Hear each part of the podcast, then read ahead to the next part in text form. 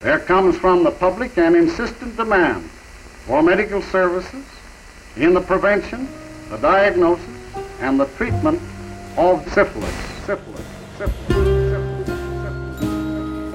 Att det här var så, en så skamfylld diagnos så att man har hemlighållit det och det är också något sånt som har intresserat mig.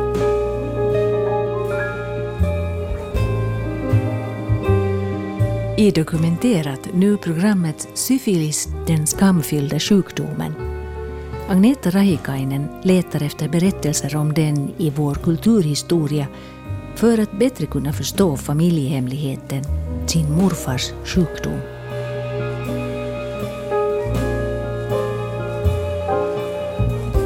Other nations have shown us that much can be done. Man has the ability to banish infectious diseases from the earth, to stamp out syphilis.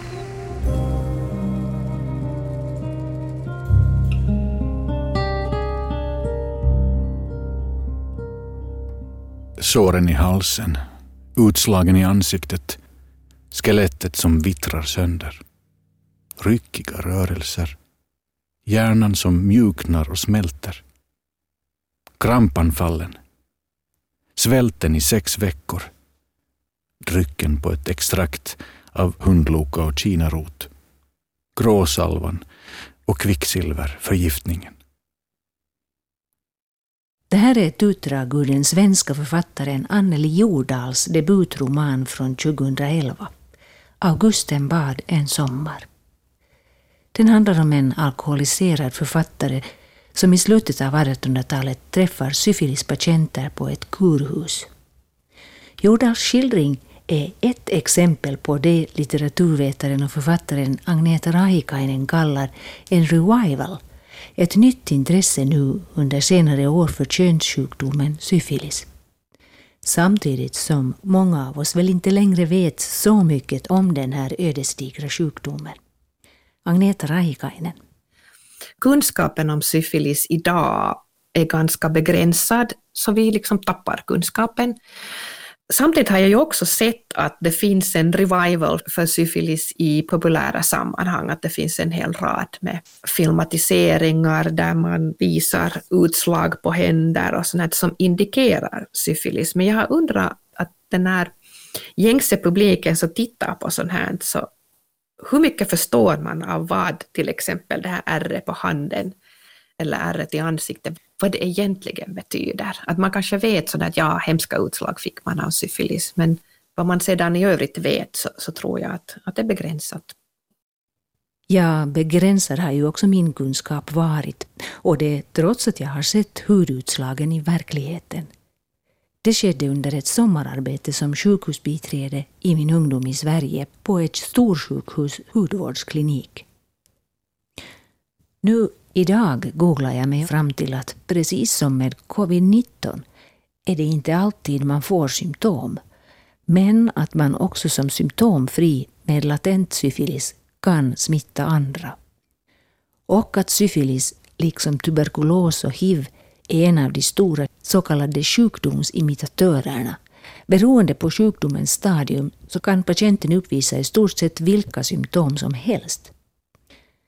På 1800-talet räknar man med att 15 procent av den manliga befolkningen i Europa var smittad med syfilis. Hur läget var med kvinnorna och barnen finns det inga uppgifter om. Och ännu idag får varje år cirka 200 finländare den här sjukdomen som alltså orsakas av en bakterie. De här minnesbilderna så kom nu blixtsnabbt för mig när jag läste Agneta Rahikainens nya bok Smittans rike om syfilis i konst, kultur och kropp. Genom vår kulturhistoria, konst och litteratur har Rahikainen letat efter svar på hur folk har förhållit sig till syfilis och vad här finns för henne själv att hämta när det gäller hemligheten i hennes uppväxtfamilj, den att morfar hade syfilis. Det här var ju någonting som min mamma aldrig pratade om. Det berättade hon att hon hade skött om sin pappa när han var hemma och sjuk och hon hade också en viss medicinsk erfarenhet för att hon hade jobbat på en sån här sjukstuga som 17-åring, men jag förstod ju aldrig riktigt vidden av det hela eller vad det här handlar om. Och, och kanske så där, som ung människa så tänker man ju inte så mycket på det, att jag har att ja, föräldrar blir sjuka och dör och, och, när man är ung så är man mera i ett här och nu. Men sedan när jag fick veta om det här, att det handlar om syfilis, så öppnade ju förstås upp en hel berättelse som jag på något sätt simulerar fram i mitt huvud om hur min mormor och min mamma, hur de hade upplevt det hela, vad, vad det här innebar för dem. Och, och det som de fick gå igenom också av, av frågor som är knutna kring skam och, och, och kanske också skuld. Min pappa vet ingenting, min mamma berättade aldrig för honom annat än det här att det var tungt och jobbigt och, och, och hur hon hade hjälpt morfar av och på en pottstol och den sista tiden och hur hon också injicerade mediciner. Att det var väldigt tungt och också ekonomiskt hade min mormor och min mamma det väldigt svårt under den här tiden. Så det är mera sådana här små detaljer som bara ger är riktgivande över vilken fruktansvärd katastrof det här egentligen innebar.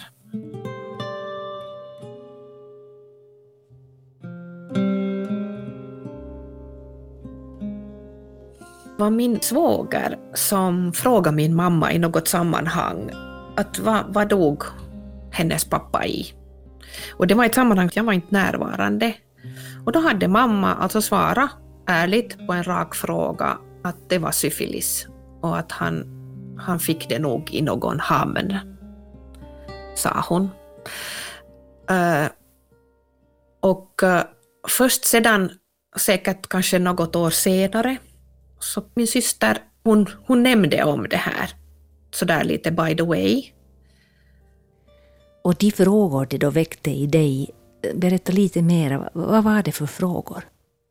Alltså jag var sådär i tioårsåldern när min mormor dog och hon var ganska religiös och, och sådär, kanske väldigt sådär borgerligt konventionell, att det var väldigt noga med att man hade kammat håret och var hel och ren och sådär. Och hon hade en hel rad med förmaningar som handlade om att hon byggde upp någon slags yttre trygghet, vad jag kan liksom se nu efteråt.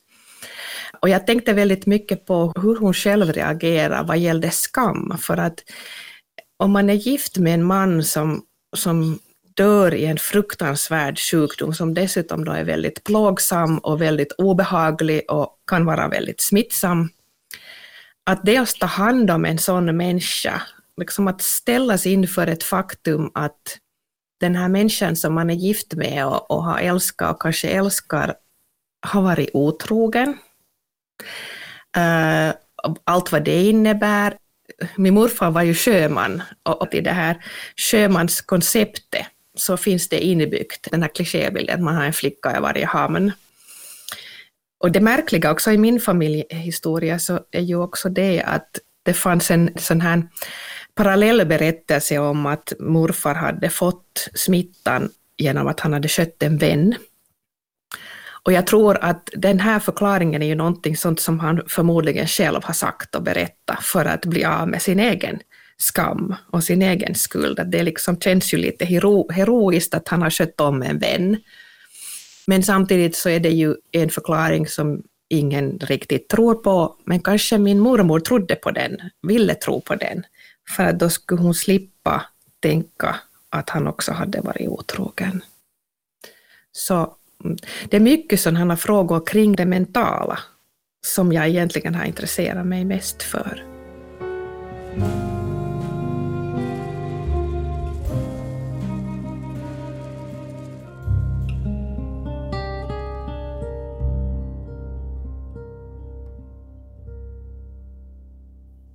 I mammas bokhylla så fanns ju väldigt många böcker som jag sen har insett att, ja, att de har ju på sätt eller annat syfilisrelaterade. Att det var jättespännande att också försöka läsa det hon hade läst. Franska klassiker, många av de franska författarna drabbades av detta på 1800-talet och um, som ung så tyckte jag hemskt, hemskt mycket om Guy de Maupassant och det har blivit det riktigt stora som har blivit problematiskt för mig nu efteråt när jag har läst in mig på hans biografi, för att han hörde till dem som, som faktiskt drabbades väldigt illa av syfilis och som till slut alltså blev galen och intagen på mentalsjukhus. Och, och, men samtidigt är han också en sån här som jag har hittat kanske just bland de här franska 1800-talsklassikerna, män som sysslar med sexualskryt. Det finns dokumenterat hur han har skrutit över att han har haft sex med prostituerade när han har vetat att han är smittad och bara skrattat åt det. I mars 1877 skrev Guy de Maupassant så här till sin vän Robert Pinchon. Halleluja, nu har jag kopporna. Så nu behöver jag inte vara orolig att bli smittad längre. Och jag knullar gathororna och slamporna. Och efteråt berättar jag för dem, jag har kopporna, de är rädda. Och jag bara skrattar. Den här typen av reaktion har jag hittat flera stycken, det här att man, man skryter över sin smitta inför vänner, att det är som om syfilissmittan har uppfattats som någon slags initiationsrit. Att man är en riktig man när man då har dragit på sig det här, att det hör liksom till. Men det kanske också handlar om att, att det är ett sätt att skuffa det ifrån sig. Att, att man, man inte egentligen i, vid den tidpunkten när man skryter om detta förstår vilka konsekvenserna kan bli. Men samtidigt har det ju funnits en sån här ohygglig dubbelmoral i det att man har ansett att mäns sexualdrift är så stark att den måste få utlopp någonstans. Och då är bordellen en bra väg att gå och att familjefäder har tagit sina söner till en bordell eh, för att de nu skulle få lära sig vad det här går ut på. När man börjar forska i liksom den medicinska utvecklingen och också den psykologiska forskningen kom ju igång på senare delen av 1800-talet på allvar. Och då fanns det manliga forskare som menade att en kvinna inte ska ha en sexualdrift, att, att den är mycket svag eller obefintlig och så ska det vara. Eh, att har hon en sexualdrift så är hon onormal. Och att äktenskapet var till för att alstra barn men inte för att njuta av sex, för att det var onormalt och osunt och sjukt, eh, särskilt då om man var kvinna.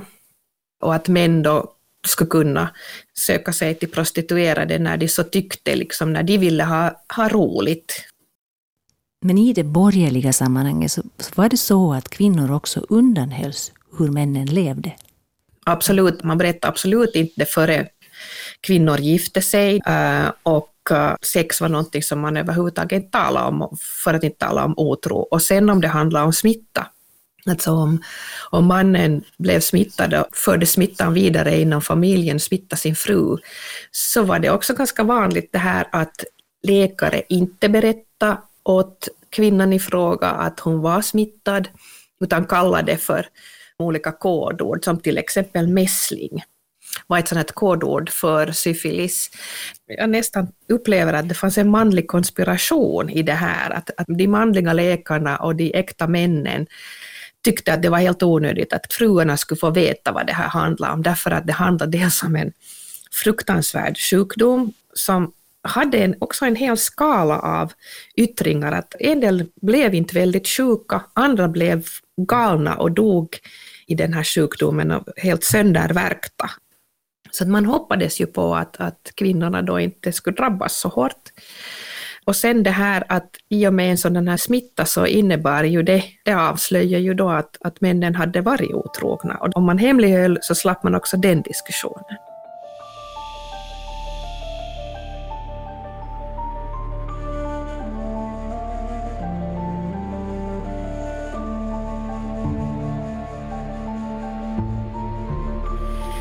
Det som har varit intressant i de här litterära berättelserna är att jag har hittat flera berättelser där män antingen beskriver sitt eget lidande eller beskriver andra mäns lidande.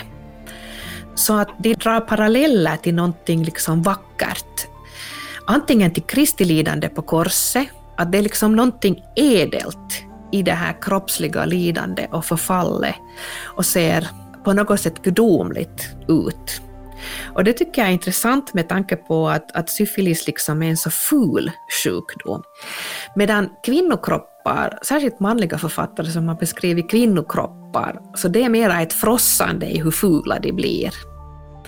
Också moraliskt sett fula. Att man har gottat sig i hur liksom ett öga trillar ur ögonhålan och från att det har varit då en mycket, mycket vacker kvinna. Och sedan med kvinnliga författare som beskriver sjukdomen, så då, då handlar det oftast om familjen. Det drabbar familjen, det drabbar barnen, det blir liksom en familjetragik.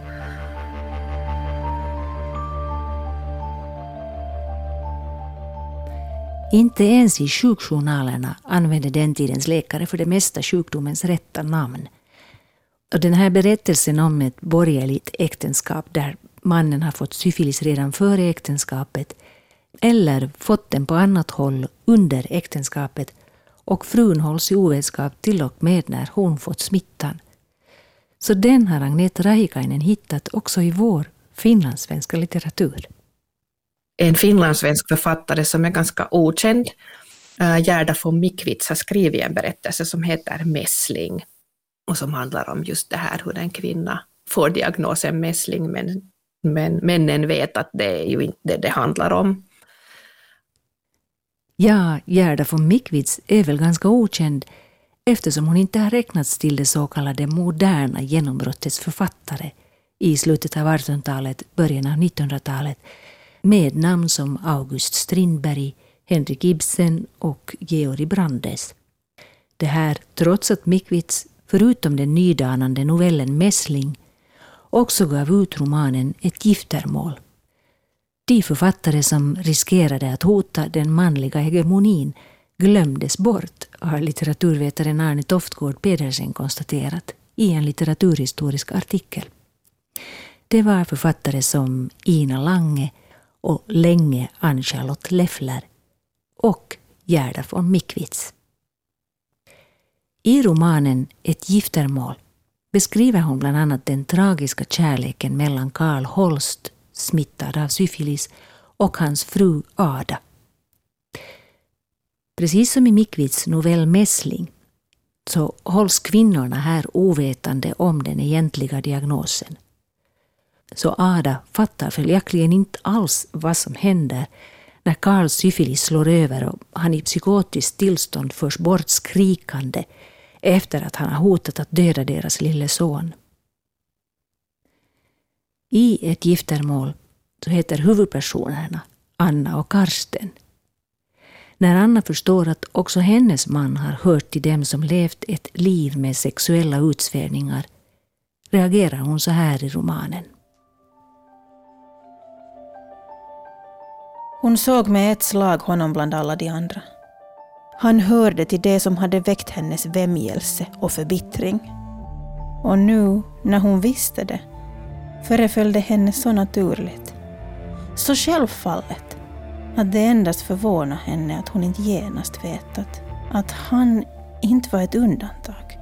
Han hörde till dem som hon föraktade och avskydde.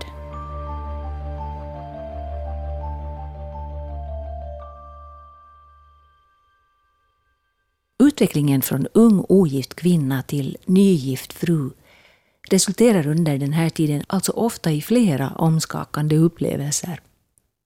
Och som så här helt oförberedd så är det kanske inte så svårt att förstå att Anna sedan blir skräckslagen, likblek med blåvita läppar och full av ångest när hon av läkaren får beskedet att hon är gravid. Läkaren för sin del tolkar hennes uttryck som att hon lider av den tidstypiska kvinnodiagnosen hysteri.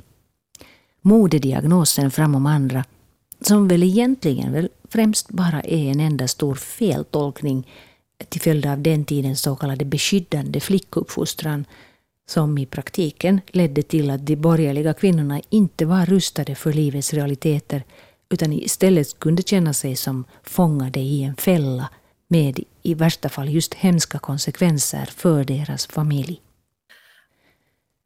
Och det att att barn har drabbats, att, att syfilis var en av de stora orsakerna till den stora barndödligheten, för de flesta foster så dog ju.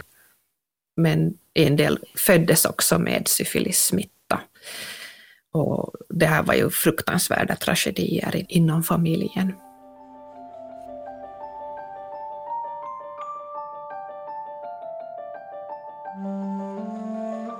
Verkliga exempel på just den här berättelsen om, om hur syfilissmittan kommer in i familjen så är inte helt lätta att hitta. Men det finns en forskare som heter Caroline Ranby som har skrivit en biografi om en jätteintressant adelskvinna i Sverige, Ebba Gyllenstierna, gift Hochschild.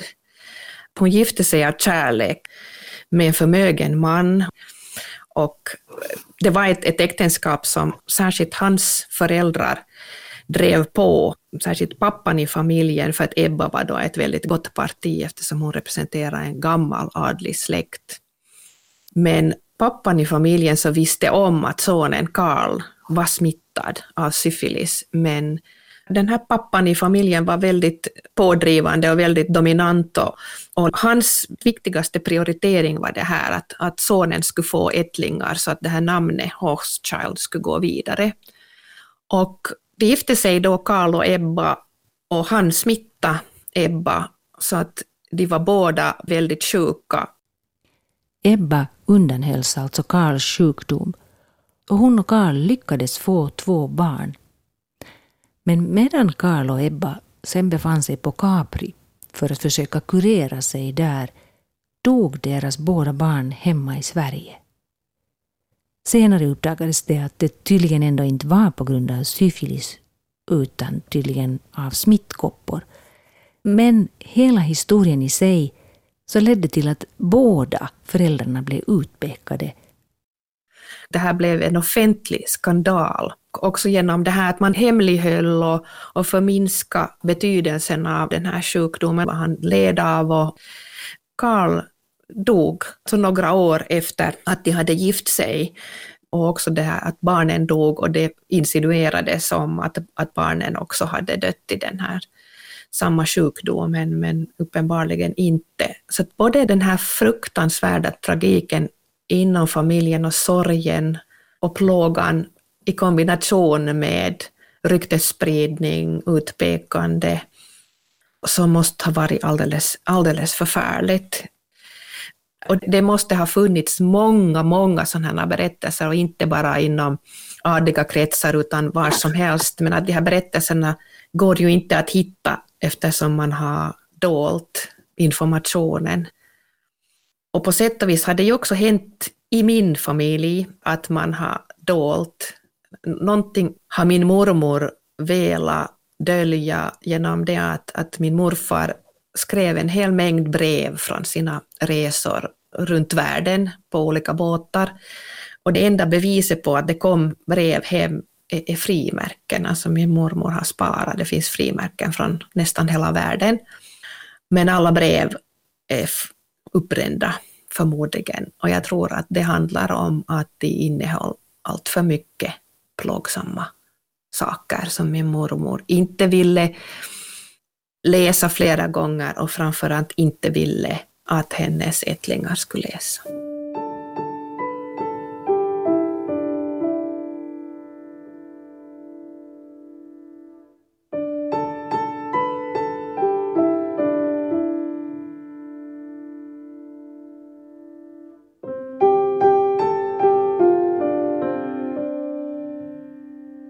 Men på tal om det att Ebba Gyllenstierna, gift Hochschild, också skuldbelades för sina barns död.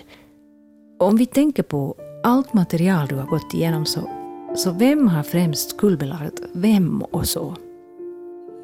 No, det är ju lätt att se och hitta hur män skuldbelägger prostituerade kvinnor. Alltså, prostituerade kvinnor har varit nog verkligen avskummens avskum och det finns så mycket otäcka kommentarer om hur smutsiga de prostituerade är.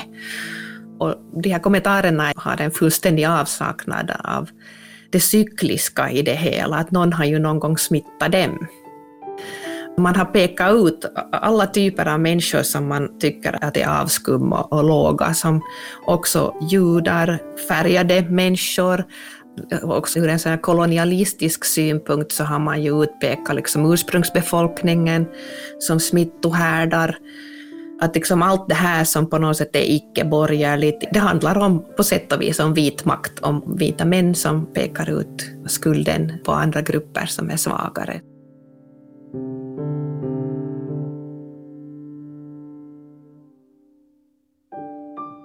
Alltså syfilis förknippades ju väldigt tidigt med olika rasbiologiska teorier och rasteorierna kom ju också de i slutet av 1800-talet i samband med att den medicinska forskningen utvecklades. Och rasbiologin handlade dels om rädslan för att barndödligheten var så stor på grund av syfilis, men också det här att det var fel sorts människor som lyckades fortplanta sig. Olika typer av handikapp eller epilepsi hörde ju också till de här sjukdomarna som man varnar för att man ska absolut inte gifta sig med en epileptiker. Så det var en oro helt enkelt för den vita människorasens fortlevnad. Och det här fick ju väldigt, väldigt otäcka uttryck som vi alla vet sedan med nazism och utrensning av olika människor. Och där det ju har gått rykten om att Adolf Hitler själv led av syfilis. Vad säger du till det? No, jag skulle säga att det är väldigt, väldigt sannolikt att han led av syfilis. Um, det finns en forskare, Deborah Hayden, jag tycker att hon har en väldigt sund syn på sån här, för det är alltid farligt att göra efterhandsmedicinska diagnoser, men alltså Adolf Hitlers, hans sjukdomar och hans fysiska kropp och hans åkommor är så väldigt väl dokumenterade. Och eh, Deborah Hayden har gjort en väldigt omfattande studie i att det är ytterst sannolikt. De har beskrivit symptomen så noggrant att man kan säga att det är det här det handlar om. Men huruvida sen den här syfilissjukdomen påverkar Adolf Hitlers psyke är ju sen en helt annan sak, att vad han liksom skvattgalen från början eller inverkar sjukdomen också i hans otroligt brutala sätt att, att hantera mänskligheten? Det kan man ju förstås inte säga. Men på tal om diagnoser och sjukberättelser, vad hör till det som kanske har förskräckt dig mest när det gäller medicineringen? No, Väldigt, väldigt länge så medicinerar man syfilis med kvicksilver. Men problemet med kvicksilver är ju det att alltså väldigt länge så kunde man inte särskilja mellan syfilissymptom och kvicksilverns effekter. Så att dels kunde man ju då faktiskt dö av en överdos av kvicksilver, men under de här kvicksilverbehandlingarna så blev man också vansinnigt sjuk med hög, hög feber och svettningar. Det kallades för salivation att man producerar väldigt mycket saliv. Man trodde att saliven som rann ur en liksom i stora mängder, att på det sättet kom sjukdomen ut ur kroppen. Och samtidigt så svällde också tungan upp otroligt mycket så att den rymdes inte längre i munnen. Till exempel Flaubert behandlades på det här sättet. Så att medicineringen var nästan lika hemsk som själva sjukdomen. Efter giftet kvicksilver så kom ju sen det arsenikbaserade medikamentet Salvarsan i början av 1900-talet. Och 1928, då uppfanns ju penicillinet. Men om medicineringen inte påbörjas i tid så kan det i värsta fall gå som för den danska författaren Karen Blixen, född på 1880-talet, smittad av sin man och under många årtionden så led hon i nettopp hela kroppen fram till sin död i början av 1960-talet. Alltså hon var fullständigt söndervärkt för att hon fick också den i, i ryggmärgen så att hon hade förfärliga smärtor i ryggen. Och den ledde också till otroliga operationer för att sjukdomen kan också drabba liksom ens, egentligen hela kroppen, allt i kroppen, men också då matsmältningsorganen och man opererade bort en del av hennes matsäck, vilket gjorde att hon sen var ofantligt mager och, och mer eller mindre alltså svalt ihjäl. Och det var som en konsekvens av syfilis. för mig var det till exempel nytt det här att ens näsa att brosket i näsan kan bli så förstört att man kan så att säga tappa sin näsa. Ja, ja alltså det är ju också någonting sånt som man in mycket tidigt på 1600-talet till exempel har skratta åt. Det har ju alltid funnits liksom lyteskomik. Det är ju inte, verkligen inte PK nu för tiden. Men det här att tappa näsan så är ju någonting sånt som man har liksom skrivit komiska verser om och till och med Bellman har skrivit om det. I Fredmans epistlar nummer 48 med inledningsorden Solen glimmar blank och trind, vattnet likt en spegel. Så här varnar Fredman sin dryckesbroder med orden Vakna Movits, ser du ej? Lasari palats, så säg. Akta näsan du på dig, för var vacker flicka. Lasari palats så syftar här då på ett nyuppfört sjukhus för manliga syfilispatienter. Att en orsak också till rädslan för syfilis handlar om det här att det syns i ansiktet. Förmögna människor på 1600-1700-talet de kunde skaffa en silvernäsa som de då liksom satt för att täcka det här hålet. Men inom allmogen och fattiga människor så hade ju inte den här möjligheten. En författare och läkare som har betytt mycket för Agneta Rahikainen i hennes strävan att förstå vad det hela handlar om är Mikhail Bulgakov. Hans reportagenoveller från den ryska landsbygden beskriver den tidens stora okunskap om sjukdomen. Något som Agneta kan tänka sig att också gällde hennes morfar. En som hon säger vanlig styrman som förmodligen inte visste så mycket om riskerna. Och åtminstone i Bulgakovs texter smittar syfilis inte alltid genom könsumgänge utan också på grund av verkligt dålig hygien, då till exempel hela familjen åt med samma sked eller åt ur samma grötskål. Det kan också smitta då via smutsiga sängkläder eller att man sov i samma säng och, och liksom hade öppna sår eller smutsiga handdukar och smutsiga skedar. Och det här är på något sätt så oerhört tragiskt för att ha sex är ju ofta så där att man har gjort ett aktivt beslut att ha sex, men det här att torka sig med en handduk eller äta med en sked är ju inte någonting som, som borde vara livsfarligt. Att hitta nyare verk med texter om självupplevd syfilis, det har inte varit lätt, berättar Agneta Rahikainen. Så hon blev jätteglad när hon fick ett tips om en självbiografi kallad Ett himla liv. Den kom ut i slutet av 1990-talet och är skriven av psykoterapeuten Patricia Tudor Sandal. Alltså hon är ju född i Storbritannien och kommer från en ganska fattig familj med väldigt, väldigt jobbig uppväxt. Och hon har helt öppet berättat om hur hon blev smittad av syfilis på 60-talet. Jag tror att det är kanske den berättelse som, som har drabbat mig allra värst, därför att den är så öppen, så naken och så saklig. Och det här att hon faktiskt har vågat berätta om, för hon hade liksom sexuella äventyr. Men det är också möjligt att hon fick smitta under en gynekologisk undersökning, vilket också är intressant. Under Patricia Tudor Sandals studietid börjar hennes körtlar svälla.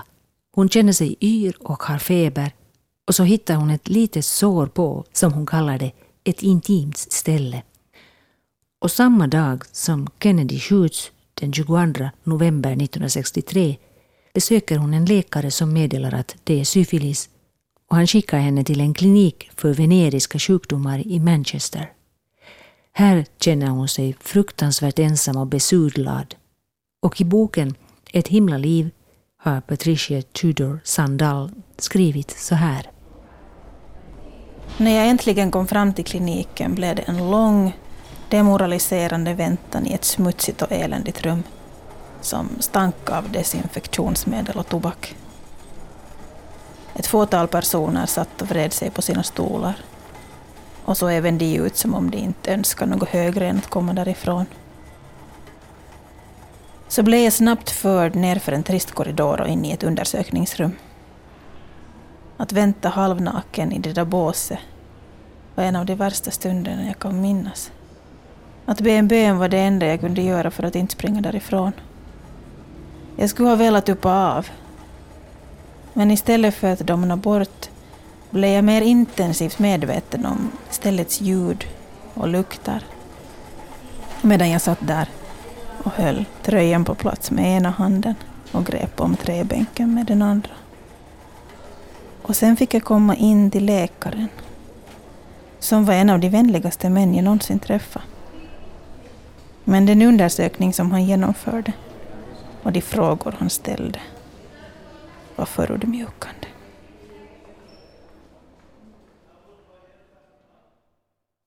Hon fick aldrig veta var ursprunget till smittan kom.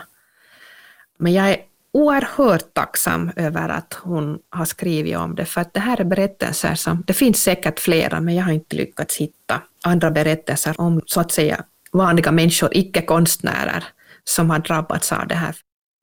No, men att drabbas av könssjukdom nu för tiden, vad uppfattar du om hur det ses idag? No, uh, jag tror ju att folk har väldigt mycket lättare att söka vård. Jag tror ju nog fortfarande att man känner skam om man har drabbats av en könssjukdom, men att det kan ju faktiskt hända vem som helst.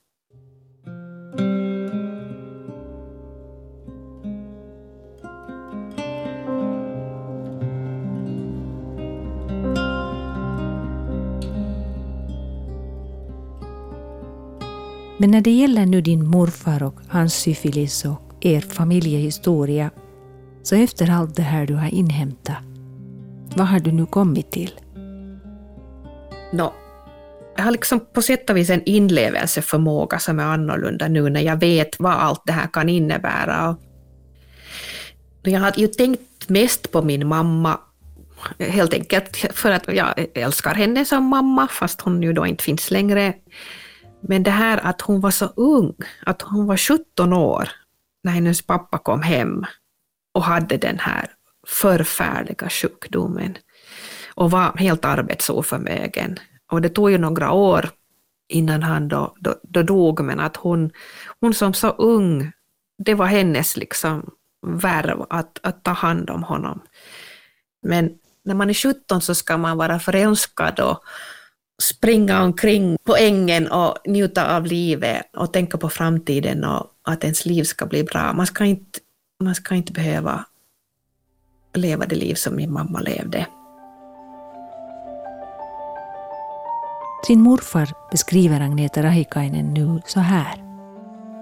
Han var så kolerisk till sitt temperament att han liksom brusade upp. Han kunde vara oerhört glad och, och liksom skoja, har min mamma berättat, men också brusa upp och bli liksom våldsam. Och det här är ju inte någonting som en sjökapten riktigt kan vara. Att han kunde liksom inte hantera situationer och det gjorde också att han miste sitt jobb sådär impulsivt. Och om det här då liksom handlar om hans sjukdom som också gör att man kan bli liksom vara helt rationell och helt frisk tidvis och sen mitt i allt bli psykotisk. Om det här var någonting sånt som, som han drabbades av så, så det vet jag faktiskt inte. Och hur Agneta Rahikainens morfar fick sin smitta, det vet hon ju fortsatt inte. Men att han kanske inte bara hjälpte en sjuk vän, det tyder möjligen följande på, om vilket Agneta Rahikainen säger att jag tror väldigt starkt på, för jag hittade en liten anteckningsbok, en kalender, där han skriver om olika kvinnor som han har varit i kontakt med och skrivit brev till och så här, att han hade en hel del kvinnor, andra kvinnor. Men det är ju förstås också det att jag, jag, jag känner inte till hela historien och jag känner inte till alla sidor av det här.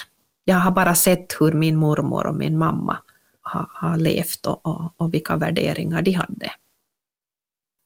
Men det här att ha hemligheter i en familj och hur det inverkar på hur vi förhåller oss till andra då och hur vi reagerar på olika händelser. Hur tänker du dig att allt det här har påverkat dig? Jag tänker ju så här att äh, ja, det finns en psykoanalytiker som heter Martti Siirala som har kommit med ett begrepp som kallas för taakkasiirtymä på finska, vilket betyder att man överför ett trauma av något slag från en generation till en annan. Och jag tror ju att den här berättelsen om morfar har, har också på sätt och vis format mig via mormor och mamma. Att när jag tänker tillbaka så både min mormor och min mamma var väldigt på något sätt skygga och ängsliga att något skulle hända.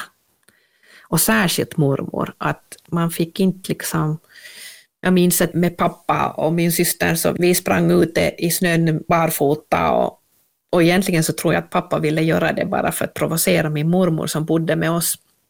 Att då kunde man ju få lunginflammation och dö. Att det fanns en sån här liksom överrädsla för att någonting kunde hända och jag tror att det är just den här taakka som det här handlar om. Att det trauma lever vidare fast det inte talas om eller uttalas, men det finns där. Så finns det där för evigt, eller har du ändå kanske spräckt trollen nu på något sätt? Jag tror på den här teorin om bergatrollet som sprängs i solen, att bara solen kommer fram och man exponerar sanningen, eller liksom exponerar det fula, så då, då är det inte skamfyllt, det är inte traumatiskt längre. Att det är bara ledsamt egentligen den här sorgen finns nog kvar i mig. Och säkert finns det liksom någonting av den här Taakka kvar i mig, men jag hoppas att jag inte överför det åt, åt min dotter, äh, just det här.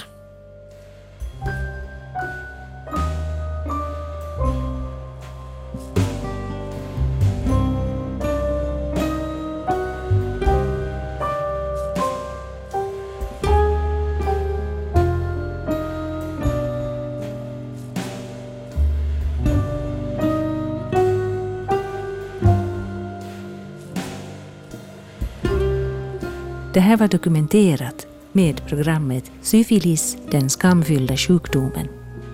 I sin bok Smittans rike om syfilis i konst, kultur och kropp har Agneta Rahikainen letat efter svar i vår kulturhistoria för att bättre kunna förstå familjehemligheten, sin morfars sjukdom. Johanna Dikert läste ur Gerda von Mikwitz och Patricia Tudor Sandals verk medan Stefan Brunnov läste ur Anneli Jordals debutroman och ur ett brev av Guy de Maupassant. Ljuddesignen gjorde Mike Mikael Grönros. Producent var Staffan von Martens. Mitt namn är Mive Gelius.